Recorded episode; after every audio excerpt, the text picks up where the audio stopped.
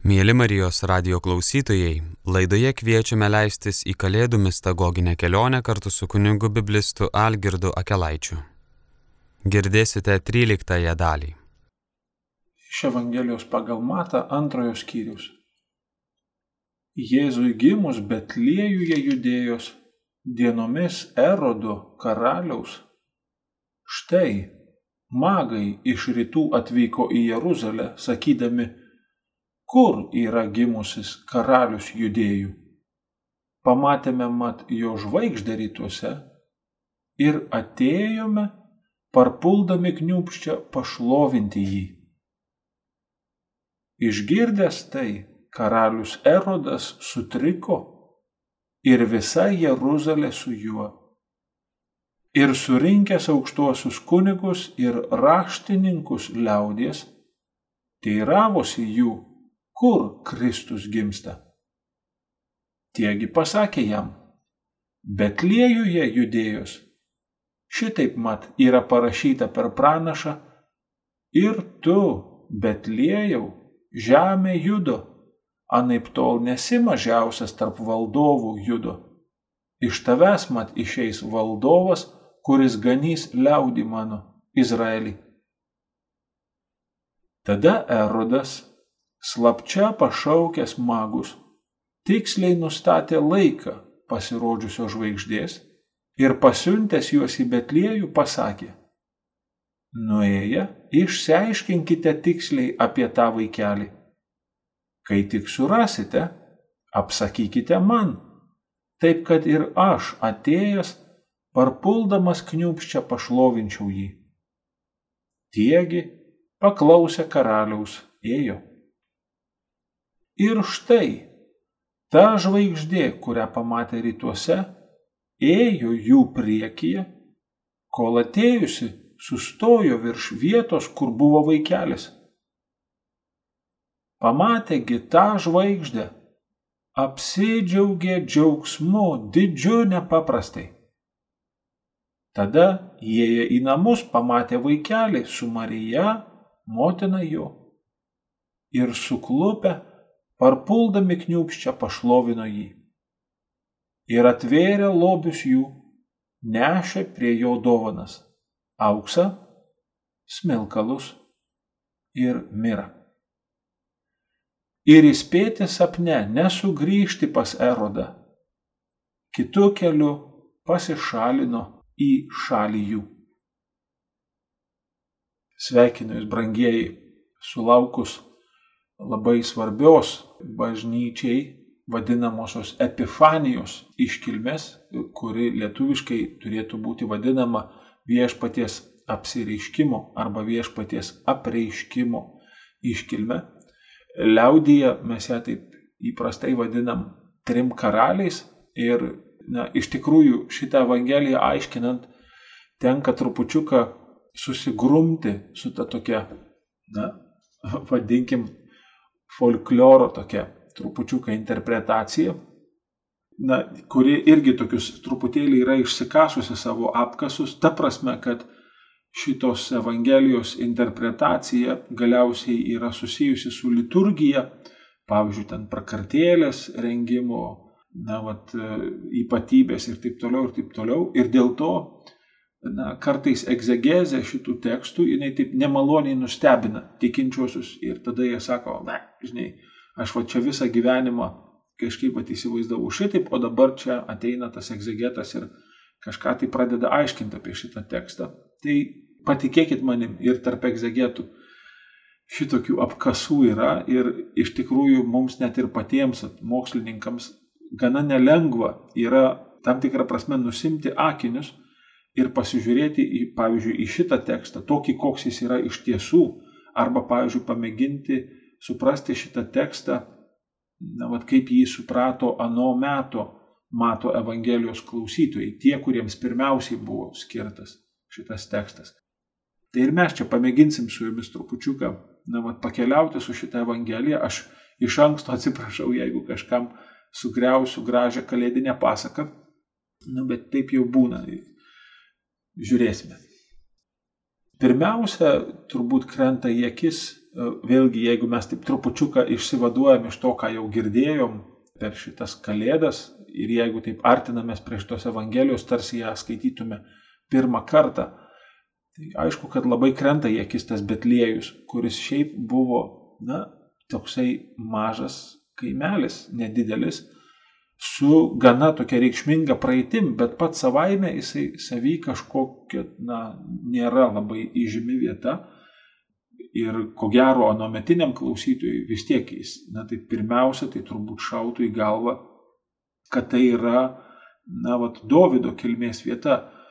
Aš atsimenu, vat, vieną kartą taip susidūriau seminarijoje su tuo vat, netiesiniu mąstymu, kai mūsų dėstytoja Ingrida Gudauskienė kažkaip pasidalino tokia šeimos istorija, kad jinai su kažkuriuo iš savo sūnų, na, vat, išėjo kalba apie Betliejų ir to sūnaus, na, vat, sakinys tai buvo atominis, jisai sako, a, sako, jo, Betliejus, tai ten, kur Rūta gyvena.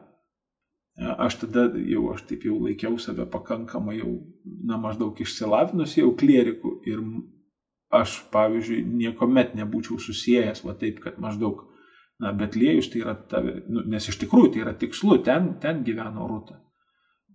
Bet e, iš tikrųjų tai labai keistas, na, toksai va mąstymas, kuris irgi tarsi išsivadavęs yra iš kažkokių iš ankstinių nuostatų.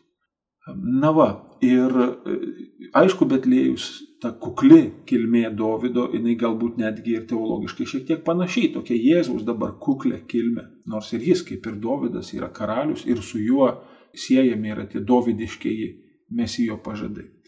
Ir kita vertus, iš karto pasakoma, kad tai yra karaliaus erodo dienos. Tas karalius, apie kurį čia kalbame, yra erodas didysis, kuris beje taip irgi įdomumo dėliai, jisai čia dar gyvas šitoje Evangelijoje, bet mes iš istorijos, kaip tyrinėtojų, žinome, kad jisai numirė ketvirtais metais prieš na, vat, mūsų amžių. Taip jis gražiai, nes jis numirė keturis metus prieš gimstant Kristui. Ir tai, kad čia mes jį sutinkame dar visai gyvą šitoje Evangelijoje, labai panašu, kad mes turėtumėm šiek tiek, na, taip irgi gal juokaudami sakyti, kad ko gero Kristus gimė prieš Kristaus erą, ne prieš Kristaus gimimą. Tai ten ginčiasi dar istorikai, kuriais ten, ar, ar septintais, ar kuriais ten metais prieš mūsų erą Jėzus yra gimęs, bet ten su ta datos nustatymu gana įdomių yra peripetijų. Ir tada, aišku, didysis netikėtumas šitos Evangelijos, gal lietuvių klausytojų tai ypatingai, ne, kai mes čia pat pirmoji lūtėje matome ir štai magai iš rytų atvyko į Jeruzalę. Įprasta versti šitą žodį, sakant išminčiai, ir mes pamėginsim pakedenti trupučiuką šitą išminčių temą, bet čia žodis yra pavartotas magai ir ne vat mūsų dabar vartosenoje tas žodis magija yra susijęs su šituo žodžiu. Šiaip jau magai, jeigu taip pamėgintumėm įvardinti, kas tai per grupė, jie yra siejami su Persija, e, vat, su Zoroastro vat, zoros, zoroastrianizmas yra tokia ten kryptis. Ir tenai vat, kunigų klasė, ne, zoroastrianizme yra vat, magais vadinami. Įdomu tai, kad jiems ten labai buvo svarbi astrologija, vat, dangaus kūnų judėjimo stebėjimas ir taip toliau. Ir čia vat, Taip pat tai, ką mes čia matome, ne, kad jie išvelgė tą žvaigždę, kad jie vat, perskaitė tą žvaigždę kaip reikšmingą ženklą, tai lyg tai atitiktų vat, tai, ką mes žinome apie tuos Persijos magus, ne kaip kunigų tam tikrą grupę, klasę. Na va, bet mes labai įpratę esam juos vadinti arba karaliais, taip liaudiškai, arba išminčiais. Tai su karaliais reikėtų pasakyti taip, kad jie šita interpretacija, atsiejant šituos magus su karaliais, jinai išryškėja krikščionijoje tik apie šeštą amžių. Tai reiškia, kad praėjo ne mažiau kaip penki su viršum šimtų metų po Jėzaus, kol galiausiai, na, vat, atsiranda šita teologinė kryptis, o galiausiai jinai netgi pradeda vyrauti. Kodėl čia tie karaliai? Nu, greičiausiai dėl Senojo testamento pranašyščių. Izaijo 60 skyriui 3 eilutėje, taip pat psalm, 68 psalmiai 29 eilutėje yra kalbama apie karalius, kurie ateis nusilenkti Izraelio Dievui. Ir čia toksai tarsi vienu šūviu du zuikiai. Ne, kad viena vertus tarsi ir susijęjama yra vat, šitos Evangelijos pasakojimas su Senojo testamento pranašystė ir kartu kad kadangi čia Senajame testamente šitie karaliai lenkėsi Izraelio Dievui, tai kartu tarsi yra interpretuojamas ir Jėzus. Patvirtinant, kad štai žiūrėkit, šitą pranašystę kalba apie Dievą, o čia šitie karaliai atėjo nusilenkti Jėzui, todėl reiškia, kad Jėzus yra Dievas.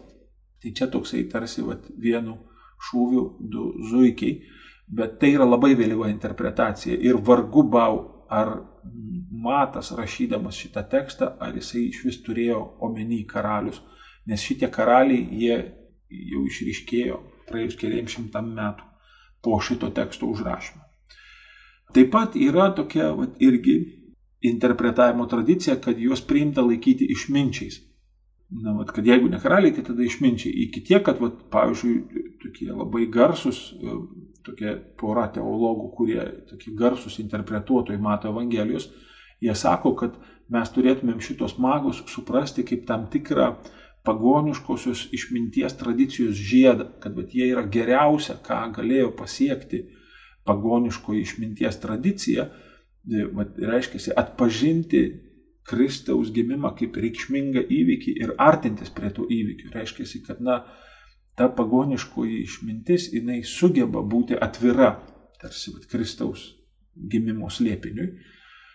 Ir vėl čia turbūt, na, reikėtų taip pasakyti, kad išsilavinimas ir, na, tam tikrą prasme, kad, kad šitie buvo išminčiai, šitie magai, yra dar vėlesnė tradicija, vat, kuri jinai dar netgi vėlesnė negu kad mėginimas teikti, kad jie buvo karališkos kilmės, šitie magai čia jau be 8 amžiaus mes nerandam tokios vat, krypties, kai būtų mėginama akcentuoti, kad vat, jie yra išsilavinima, kad jie, kad jie yra išminčiai šitie magai.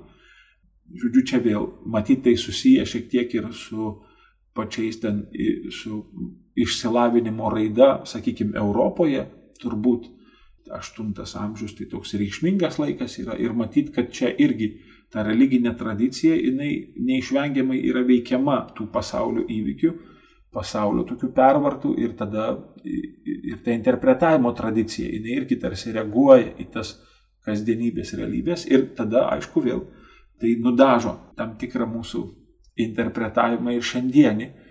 Bet, vat, pavyzdžiui, palyginimui, jeigu tikrai mes jau juos čia laikom tokiais išminčiais, tai vertėtų, pavyzdžiui, pasižiūrėti į Danieliaus knygos antrąjį skyrių.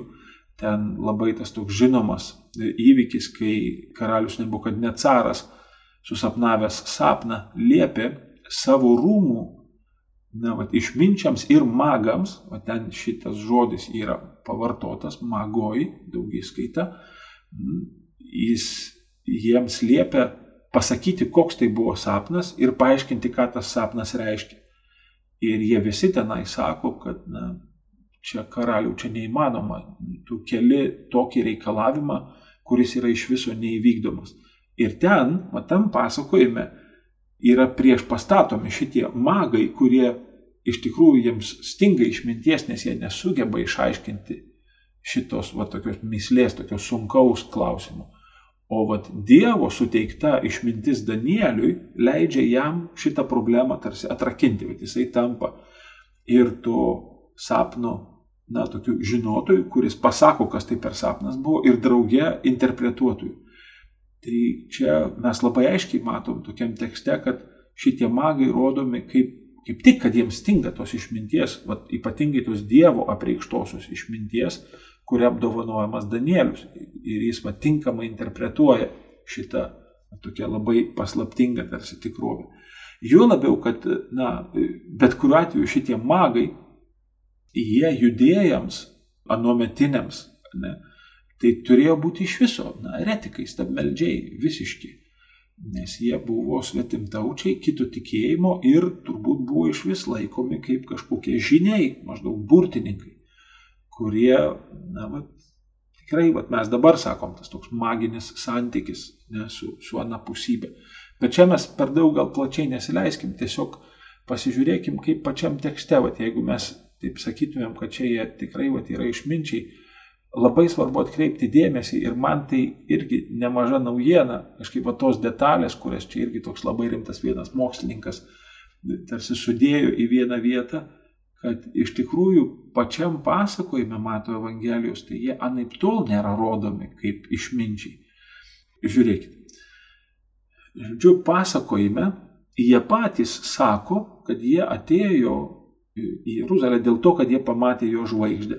Ir nors mes nelabai suprantame, kaip jie suprato, kad ta žvaigždė yra reikšminga, kad jinai yra vat, gimusio karalių žvaigždė, mes šito dalyko nelabai žinome. Bet čia yra ištisa virtinė tokių nepataikymų. Pirmiausia, tai jie atrodytų tinkamai sureagavę į tą žvaigždės ženklą, vis dėlto jie nepataiko ateiti ten, kur reikia ateiti. Jie tarsi logikos vedami ir tai atrodytų yra labai normalu, jeigu tu tikiesi, kad gimė naujas karalius, tai tu jo ieškosi sostinėje. Ir čia, vat, jie, nors jų tą judesį išprovokavo žvaigždė, vis dėlto jie ateina į Jeruzalę. Na va, ir čia jau raštas turi juos nukreipti į Betliejų. Žodžiu, jiems reikia tam tikro instruktažo, jiems reikia va, tos apreikštosios išminties, kad jie žinotų, kur tiksliai eiti. Tada jiems iš Jeruzalės vėlgi reikia vėl tos vedančios žvaigždės, kad jie galėtų ateiti iki namų, kuriuose yra motina ir vaikelis.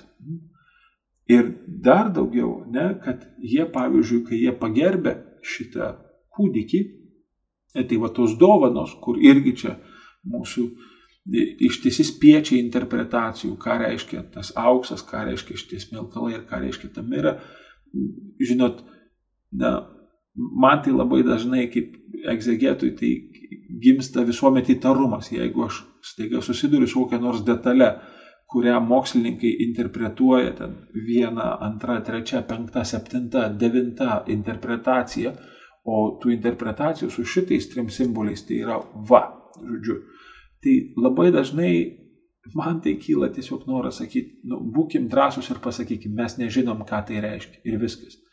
Ir galbūt paprasčiausia tai laikyti kaip tiesiog, kad tai yra dovanos, kurias jų supratimu šitų magų supratimu būtų vertos gimusio karalius. Tai yra karališkos dovanos, rodančios pagarbą šitam karaliui.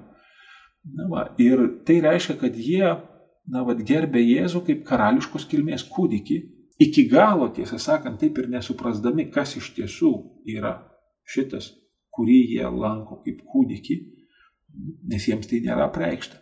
Ir vėlgi dar daugiau šitos išminčius, jeigu jie išminčiai, sugeba pergudrauti erodas, kur jie iš tikrųjų turi būti perspėti sapne. Reiškia, jiems turi būti apreikšta, panašiai kaip ir Juozapui buvo apreikšta sapne, kad jie netaptų papildomų pavojų šitam gimusiam kūdikiui. Na va, kita vertus, greta šito tikrai, na čia m, mm, akivaizdu, kad e, pats tekstas anaip tol nemėgina jų parodyti kaip išminčių. Anaip tol turbūt kitos savybės yra žymiai svarbesnės, kurias mes matysim. Bet e, kita vertus, na, niekas nesako, jie ir kvailiai, bet man atrodo, kad tekstas pirmiausia tai pabrėžia tam tikrą jų nuoširdumą. Kad nepamirškime, ne, jie yra kitatikiai ne, ir jie čia yra svetimoje šalyje. Ir va, ta pagarba, su kuria jie elgesi, ne, kad jie vis dėlto ieško tų karalius, jie ateina na, vat, pagal visas gražiausias tradicijas, jie lanko dabartinį karalių, įsivaizduodami, kad jie pasveikins jį su naujagimiu. Ir vis dėlto jų tas elgesys yra labai nuoširdus. Ypač vat, graži ta detalė, tai tokia ta labai tokia na, puošni ištara apie tą jų džiaugsmą, kai jie vėl pamato žvaigždę. Kad jie pradžiugo džiaugsmu nepaprastai dideliu. Na, Žodžiu, tai yra tikrai vat, nuo, nuo širdžių žmonių elgesys. Ir jie yra nuoširdus žmonės, tačiau jų pažinimas yra nepilnas. Ir, na, vat, čia jiems kažkokių religinių darybių pripaišyti, aš irgi nebūčiau labai linkęs, nes apskritai tose senosiose kultūrose, juose bet kokio naujagimio na, vat, atsiradimas, o ypač karališko naujagimio buvimas, tai buvo visuomet suprantama kaip Dievo veiksmas. Ir tenai na, toks dalykas kaip ortodoksija, vat, kur mes dabar čia labai bandom skirti tas religinės tradicijas, skaičiuojam, tu čia dabar kiek čia tų sakramentų pripažįsti, kas tau ten yra Marija, kaip tu ten įsivaizduoji santykius asmenų trejybėje kur mes esame, nu, taip sakykime, nušlifavę tą savo teologiją ir jinai mums padeda atskirti, kuriai tikėjimo tradicijai aš priklausau, tai senosiuose kultūrose šitos ribos jos kaip tik būdavo nukreiptos tarsi į priešingą pusę. Ten religija labiau vienijo žmonės, negu kad juos skyrė. Ir tos religijo, religinės tradicijos labai dažnai būdavo tokios gana eklektiškos, kur Dievo vieno bruožai pe, būdavo perimami kitam Dievui ir taip toliau ir taip toliau. Ir tai buvo labai, na, aš, aš taip matau šitą veiksmą jų kaip tokį labai, na, va, pagarbų judesi, ne, kad jie sako, kad ir koks ten tas tavo Dievas yra, ne, mes suprantam, kad šitas Dievas tave laimina, nes jis tau dovanoja kūdikį. Žodžiu, kad tai buvo toks mandagus pagarbumas ir to asmens religijai, to asmens tikėjimui, kad tas kūdikio gimimas, aišku, buvo interpretuojamas kaip tam tikra Dievo palaima. Tai, va, tai čia tikrai aš manau, kad čia galbūt labiau yra pabrėžiama pasakojime jų toks nuoširdumas ir jų pagarba, bet aš išminties nelabai čia matau šitam pasakojime ir ypač dėl dar ta žodis toksai, na, išmintis, jinai na, kaip toksai fenomenas išminties, jinai nėra grinai izraelitiškas dalykas. Iš tikrųjų, pavyzdžiui, lietuvių liaudės išmintis daug kur mes galime atpažinti biblinės patarlės lietuvių folklore. Ir kita vertus, Biblijoje mes randam daug patarlių, kurios iš tikrųjų jau yra Egipto išminties kraičiuose, kurios toli toli savo amžiumi pranoksta biblinę tradiciją. Ir, na, tam tikra prasme išmintis tai yra toksai na, bendras visai žmonijai fenomenas. Na, tas kodifikuoti tą išmintį kaip gebėjimą gyventi, gebėti orientuotis na, tikrovėje. Ir vis dėlto Biblijoje tas na, va, terminas išmintis, jisai labai turi savo tokį turinį, jisai turi tam tikrą savo teologinę giją. Ir todėl, man atrodo, na, va, kai mes pradedam šitos magus vadinti išminčiais, mes trupučiuką šitą tradiciją veliam. Mano manimu, mes turėtumėm iš tikrųjų gana drąsiai imti ir vartoti šitą tą žodį magai. Kaip tai su prakartėlė gautųsi, aš čia jau atsiprašau, čia jau egzegetai šitų klausimų nenagrinėja, čia jau reikia, na, vat, klausti kokiu nors liturgistų arba liaudės pamaldumų tyrinėtojų. Ir čia labai gali būti, kad vat, dėl to tokio netikėto, vat, ant kiek netikėtos figūros, ne, ant kiek netikėti yra vat, šitie piligrimai, taip sakykime, kurie atkeliauja į Jeruzalę. Tai gal būtent tą ir pabrėžia vat, šitas mato štai. E, jau mes minėjome, kad mato Evangelijoje tas štai yra ypatingai stiprus, jis visoje Biblijoje stiprus, bet matui tai ypatingai yra toksai žodis, kad dėmesio, vat, kažkas netikėtų, žiū, atkreip dėmesį, antai. Tai ir čia vat, tas mato ir štai magai. Hmm? žodžiu, kad tai yra tokie labai netikėti personažai, labai keisti personažai šitame pasakojime, kuriems Dievas nusprendžia, na, va, apreikšti Kristaus gimimą. Ir ar jie pilnai tą suvokia, abejotina, bet tiek, kiek jie sugeba patraukti, labai panašu, kad jie sugeba kažkaip atsiliepti į šitą apreiškimą. Ir čia vėl, na, žinot, kaip su tais keistuoliais yra Aš tai taip su tokia šypsena trupučiuką sakau, jeigu jūs norit pamatyti dar vieną keistuolį, kuriam Dievas irgi labai netikėtų būdų nusprendė apsireikšti, tai jūs vat, nepatingėkit, nuėkit ir pažiūrėkit į veidrodį. Nes mm, čia tikrai vat, šitas Dievo sprendimas, mums jisai Evangelijoje gal atrodo gana keistas, mm, bet tikrai vat, tai, ką mes patiriam savo gyvenime, tai yra nemažiau vat, tas keistas Dievo elgesys, kurį vat, mes vėl randam jo atgarsus čia Evangelijoje, kurią skaitom. Ir tikrai, na, vat, kas galėtų pagalvoti, kas galėtų pagalvoti, kad magai iš rytų ateis Izraelyje ieškoti to karaliaus, kurį apreiškė Izraelio šventieji raštai. Koks tai yra keistas įvykis. nežinau, man jis pavyzdžiui ne ką labiau keistas negu tai, kodėl vat, aš arba jūs čia sėdime ir gilinamės vėlgi į tų pačių raštų gelmes mes sėdėdami 21 amžiaus Lietuvoje.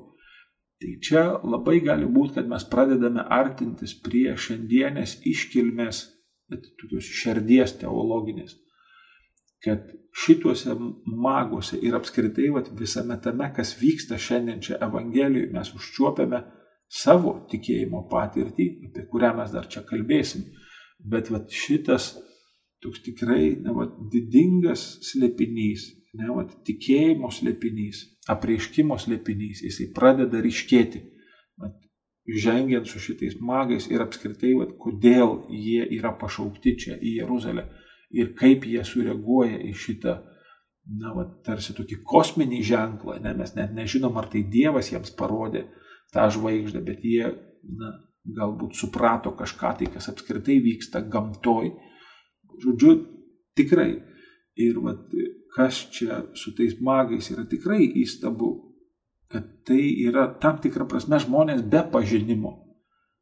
Tai yra žmonės, kuriems šito pažinimo stinga ir mes tą matom Evangelijoje, kad jiems turi būti parodytas kitas žingsnis, ką jiems dabar daryti. Ir vis dėlto šitiems žmonėms be pažinimo Dievas nusprendžia apreikšti Kristų. Ir vėlgi, aišku, ta žvaigždė čia yra sukėlusi begalės diskusijų, yra mėginama skaičiuoti, kaip tuo metu atrodė dangaus kliautas, galbūt tai buvo kažkoks tai dangaus kūnų suartėjimas ir taip toliau, bet aš manau, kad mes negalim kažkaip išleisti iš akių, kad šita žvaigždė juda be galo keistai. Jis juda labai nenusekliai, nes jinai vedė, vedė, vedė iš rytų, tada ar jie Jeruzalėje ją matė, ar jinai jiems pranyko iš akių, tada kaip jinai vėl pasirodė, kaip jinai tada ėjo priekyje jų, kol galiausiai sustojo virš na, vietos, virš ten, kur buvo kūdikis. Čia tikrai labai abejotina, ar ano meto klausytojai būtų supratę šitą žvaigždę kaip kažkokį tai natūralų reiškinį. Žvaigždė yra per daug svarbus teologinis simbolis Biblijoje, kad na, būtų taip galima čia staiga viską suvesti į na, kažkokį tai natūralų reiškinį, sakykime, retą, bet natūralų reiškinį. Jo labiau, kad iš vis pačiam tekste iki devintos eilutės, kol pats autorius pasako, kad va ta žvaigždė, kurią jie matė, vėl jiems pasirodė, tai iki tol mes iš vis net nežinom, ar tą žvaigždę kas nors kitas mato. Ar tos žvaigždės, pavyzdžiui, reikšmę dar kas nors kitas supranta. Ir ar tai nėra viso labo jų kažkoks išskaitimas, kad visatoje įvyko poslinkis su Kristaus gimimu. Žodžiu, čia labai neaišku ir čia vėl jeigu tai na, mes nesugebam kažko pasakyti gudriau, negu yra pasakyta tekste, tada gal palikime taip, kaip yra tekste. Ir mano nuomonė, tai iš tikrųjų matas rodo šitą žvaigždę kaip tam tikrą antgamtę. Jis net tikrai va tokį stebuklingą Dievo veikimą, kurisai, na, va, netgi ir daiktų prigimti arba reiškinių prigimti pranokstančiais ženklais gali vesti tuos, kuriems jis yra nusprendęs kažką tai apreikšti. Tai čia tokių pasakojimų arba patirčių, tai aš manau, kad mes ne vienas esam girdėję ir, ir esam žinoję. Tik tai vėlgi čia man labai tas yra, atrodo reikšminga, kad čia yra tokia teologijos gimimo vieta, būtent čia gimsta teologija. Kai žmogus tokiuose įvykiuose Jisai stoja ir padaro išvadą, kad čia yra Dievas. Čia buvo nesutapimas, čia buvo ne kažkoks keistas reiškinys, čia yra Dievas. Tai va čia gimsta teologija tokiuose vietose ir va, šituose maguose mes nematom, kad gimtų tikėjimas. Žodžiu, čia mes nematom, kad jie pradėtų teologuoti. Ir dėl to vat, mes sakom, kad tai yra žmonės, kurie iki galo nepažįsta tos tikrovės, kuri čia atsiskleidžia. Ir tuo mes pavyzdžiui, skaitytojai Evangelijos nuo jų skiriamės. Šeštojoje eilutėje, kai mes pamatome, e, vėl mato Evangelijoje cituojant Senojo testamento pranašus, mes vėl turėtumėm kažkaip na, prisiminti patį tokį pranašystės fenomeną, kas man atrodo irgi labai yra svarbu. kad įsivaizduokit, šitai pranašystėj, kurią cituoja Matas, jo laiku, nesakykime ten Jėzaus laiku, jau jai yra apie 800 metų. Jis užrašyta prieš 800 metų Jėzaus laiku ir reiškiasi, jinai netgi anose istorinėse aplinkybėse, kurioms buvo rašyta, jinai reiškiasi nėra laikoma išsipildžiusią pranašystę, nes prie jos yra vis grįžtama. Man kažkaip vat, su pranašų fenomenu tai labai patiko tokia sąsaja. Larsas von Tryras yra kažkada pasakęs, kad filmas žiūrovui turi būti kaip akmenukas bate. Jis tarsi turi vat, neduoti ramybės, jis turi tam tikrą prasme erzinti žiūrovą.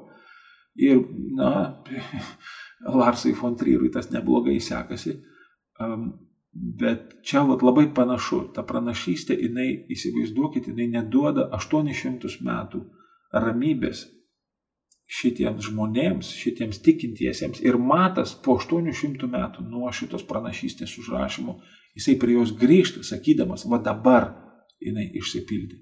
Va dabar šitas žodis, kai mes jį skaitome Jėzaus akivaizdoje, va dabar mes žinome, kad jisai pagaliau pasiekė savo pilnatvę. Ir tai yra, na, viena vertus, tokia tikrai pilnatvės būsena, kai tu supranti, kokia yra to žodžio reikšmė, bet čia jau mes pas Joną, kai skaitėm Joną, mes matėm, koks tai yra iššūkis tuos lūkesčius, prie kurių gal net jau ir yra priprasta, kaip prie tam tikro savipaguodos tokio. Ne? Nu, vat, ateity Dievas sutvarkys, ateity Dievas duos išgelbėtojų. Tas iššūkis, kai šitie lūkesčiai susiduria su konkretybė, kad dabar Dievas imasi tvarkyti, kad va dabar Dievas imasi gelbėti ir kad kartais tenai mes labai neriame krūmus, nes tas, kad Dievas mane išgelbės rytoj, tarsi man duoda erdvės dar šiandien gyventi taip, kaip noriu. O va jau kai Dievas mane imasi gelbėti šiandien, tada labai paradoksaliai, bet mes kartais daromės va, panašus į erodą, kuriam šitos pranašystės išsipildymas iš tikrųjų tampa netidėliotina problema. Ir čia labai subtili erodo yra situacija. Jeigu jūs vat, pamėginsit panagrinėti, tai labai čia gražu tarp eilučių. Nes Erodas yra romėnų statytinis. Jis yra, na, toks karalius marionetė. Izraelio atžvilgiu jis yra labai galingas, nes už jo stovi romėnų karinė valdžia. Ir kita vertus, jisai puikiai supranta, na, jis, jam proto netrūko. Ir jisai puikiai supranta, kad, na, išsilaikyti tokioj slidžioj vietoj, kur, na, kadangi ta valdžia tave pastatė, reiškia, jinai tave gali ir pakeisti. E, išsilaikyti tokioj pozicijoje yra be galo sunku ir, na, yra išlikusių tokių istorinių liudymų, kad iš tikrųjų Erodas buvo labai žiaurus kaip, kaip valdovas ir jis ten be jokių ceremonijų ištaškydavo savo konkurentus. Na, vat, iš to sprendžiama, kad ir tas vaikų išžudimas Betlėjuje jisai galbūt irgi yra tikėtinas istorinis įvykis, nors apie jį nieko nerašo kiti istoriniai veikalai anu metu. E, bet jam šito vaiko gimimas yra didžiulis iššūkis. Įsivaizduokit, ne? žodžiu, šitie atėję išminčiai, na, arba magai, geriau magai, sakykime, jie ateina ir sako, kur gimė karalius. O, o jūs prisimenat, ką Erodas pasako savo ten tiems visiems raštininkams. Jisai sako, kur turi gimti Kristus. Šitie atėjo ieškodami karaliaus ir erodas iš karto supranta, kad čia gimsta Kristus. Jis iš karto supranta situaciją ir tai yra be galo jam slidi situacija.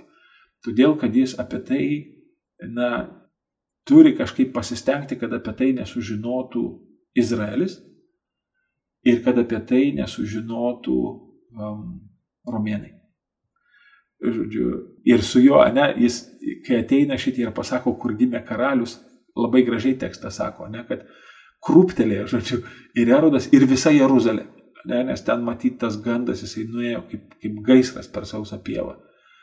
Nes Erodas žinojo, kokiu laiku jisai gyvena. Mes žinom iš tokių istorinių liudijimų, kada nuo metu tas mesijo ilgesys, to patepto ilgesys buvo didžiulis, nes žmonės labai tikėjosi, kad mesijas išvaduos juos iš romėnų valdžios. Ir Erodui mesijo gimimas tai reiškia jo valdymo pabaigą, nes jeigu kils maištas ir sukils Izraelis prieš romėnus, tai Erodui pirmam nuleiks galva tokiam maište, nes jį pirmąjį kaip kolaboruotoją, jį pirmąjį nužudys. Ir jam todėl reikia kažkokiu būdu užgneušti šitą žinią, kad jinai nepasklistų Izraelyje ir nesuliepsnuotų va to lūkesčių. Ir kita vertus jam kažkaip reikia e, užslėpti šitą žinią nuo romėnų, nes jeigu romėnai sužinos ir pradės čia aiškintis, koks čia mesijas, prie ko čia tas mesijas, ne, tada vėlgi gali būti, kad romėnai jį tiesiog patrauks ne, ir kaip nors išspręs kitaip tą klausimą, kad erodas netaptų na, tokia vat, katalizatorium šito ginčio ir kažkokiu tai neramumu. Todėl čia erodai iš tikrųjų tai darosi be galo tokia slidi situacija ir jis iškart supranta, apie ką čia eina kalba. Erodas yra, matyt, vienas iš tų, kuris čia labai gerai išvelgia šiandienos evangelijoje, kas čia dedasi. Hmm? Tik tai vad kitas klausimas, ar jis tą priema. Klausimas, ar, ar iš tikrųjų jisai apskritai laukia šito Kristaus ir ar jisai iš viso gyvena šitais Izraelio dievų pažadais. Na, va, tai čia mes taip tikrai apibendrindami galėtumėm sakyti, kad šiandien Evangelijoje ir kaip visoji vat, mato Evangelijos šitoj pradžios daly, vat, kur yra pasakojamas e, Jėzus tas vaikystės pasakojimas šita apreiškimo svarbos linija, jinai yra esminė. Kad žmonės čia, kol jiems nėra apreikšta Dievo, jie nesupranta, ką Dievas yra užsimojęs padaryti Jėzuje Kristuje. Ir va tai yra šiandienė šventės teologinė tokia tema, jos teologinė priežastis ir kartu jos teologinis tikslas. Mhm. Nes, va, žiūrėkite, ne? Juozapui Juozapui Dievas turėjo apreikšti tikrąją šito vaikelio svarbą, tikrąją Marijos neštumo svarbą. Tada Jeruzalės, pavyzdžiui, tie teologai, kurių Erodas klausė, jie žino pranašystę, bet kad ji pildosi jau šitą pranašystę, jie suvokia tik tuo met, kai ateina šitie netikėti magai į Jeruzalę. Žodžiu, jiems magai tampa ženklu, kurio jie patys savo jėgomis nesugebėjo išskaityti. Magai nors ir žino, kad gimė karalius, bet jie neranda šito karaliaus be raštų ir neranda be žvaigždės vedimo, o po to nesugeba saugiai grįžti į savo kraštą be šventosios dvasios apreiškimo. Ir galiausiai, na, vat, tikrai čia mato Evangelijoje taip galime pabrėžtinai dvi vietas prisiminti, kur tas labai išriškiai aiškiai. Toks esminis įvykis Evangelijos dinamikoje, tai va, yra, kai Petras atpažįsta, kad Jėzus yra Kristus. Ir mato Evangelijoje jis labai svarbus yra, nes kai jau Petras išpažįsta ir sako, tu esi Kristus, Jėzus jam sako, Petrai, tu ne pats tai supratai, mano dangiškasis tėvas tau tai apreiškė. Va čia vėl ta pati apreiškimo linija. Kad jeigu žmogui nėra apreikšta, mato Evangelijoje, jisai iki galo nesupras, ką Dievas daro. Ir vėlgi paties Jėzaus išpažinimas mato Evangelijos 11 skyriui, kai jisai sako, aš išpažįstu tave tėvę, kad tu tai paslėpiai nuo išmintingųjų ir gudriųjų, o apreiškiai mažutėlėms. Ir kad va, iš tikrųjų Jėzus labai aiškiai jisai šitą išpažįsta kaip Dievo veikimo būdą ir tai yra labai ryškus mato Evangelijos toksai teologinis bruožas ir čia ne šiaip savo mato Evangeliją būtent renkasi bažnyčia švesdama šitą viešpaties apreiškimo iškilmę. Ir reiškia, koksai tikslas šitos iškilmės, nes visuomet bažnyčia tokias liturginės iškilmės švenčia tam, kad jos mus keistų. Tai yra formuojančios iškilmės. Mes švesdami šitos tikėjimo slėpinius mes esame perkeičiami šituo šventimu. Ir čia tikrai, ko gero, yra va tas uoslės ir nuolankumo ugdymas. Kad būtumėm tokie gerai suodžiantys apreiškimą kaip erodas ir būtumėm tokie nuolankus kaip šitie magai, kad mus išjudintų, bet nuolankumu, nes erodą irgi išjudino šitas apreiškimas Tik mes dar nelabai suprantam, jeigu taip atsisakom tokiu tarsi papildomo žinojimo, tai atrodo, kad erodas labai fainuolis yra. Ne, kad jisai vat, pats tarsi dar lieka pasipuošti, čia kaip savo plunksnų ten pasišukuoti, o jau siunčia tuos magus, kad jau sužinotų ir kad jau tada ir jisai eis pašlovinti. Ir čia vėlgi mes matome tą tokią labai slidžią situaciją, nes erodas ne, nu, jis negali atvirai kažko daryti, nes čia, ojei, ojei.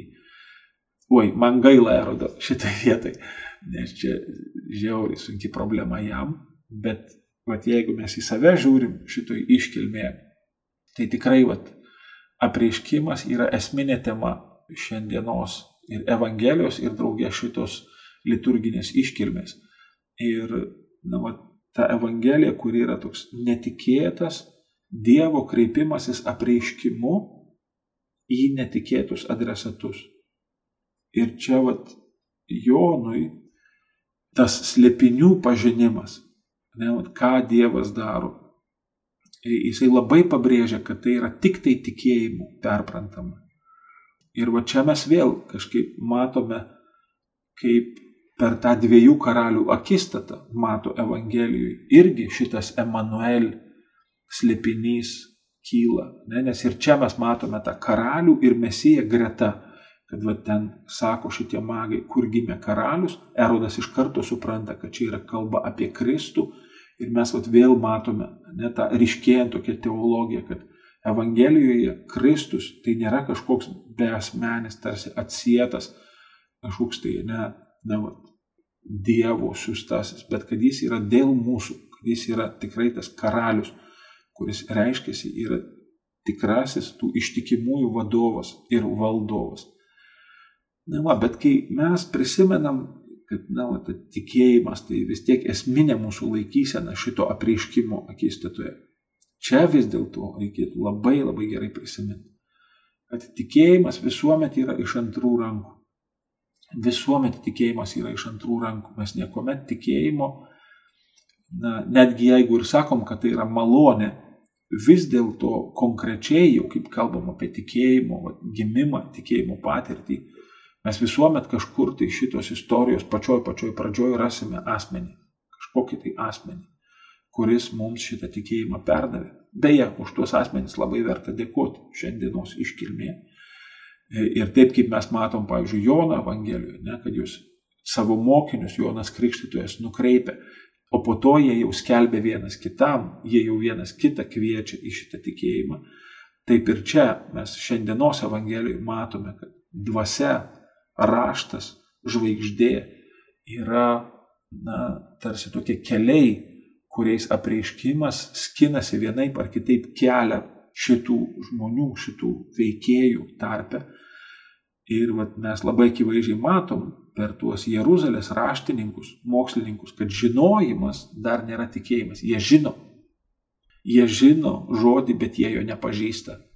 Nes jiems nėra apreikšta tikroji šitų žodžių reikšmė. Ir netgi jeigu mes kalbam apie apreiškimą, kuris iš tikrųjų gimdo tikėjimą, dažniausiai per tarpininkus, kurie iki mūsų tą tikėjimą atneša. Bet net ir čia ypač yra svarbu tai, kaip mes interpretuojame šitą prieškimą. Ką reiškia apreiškimas.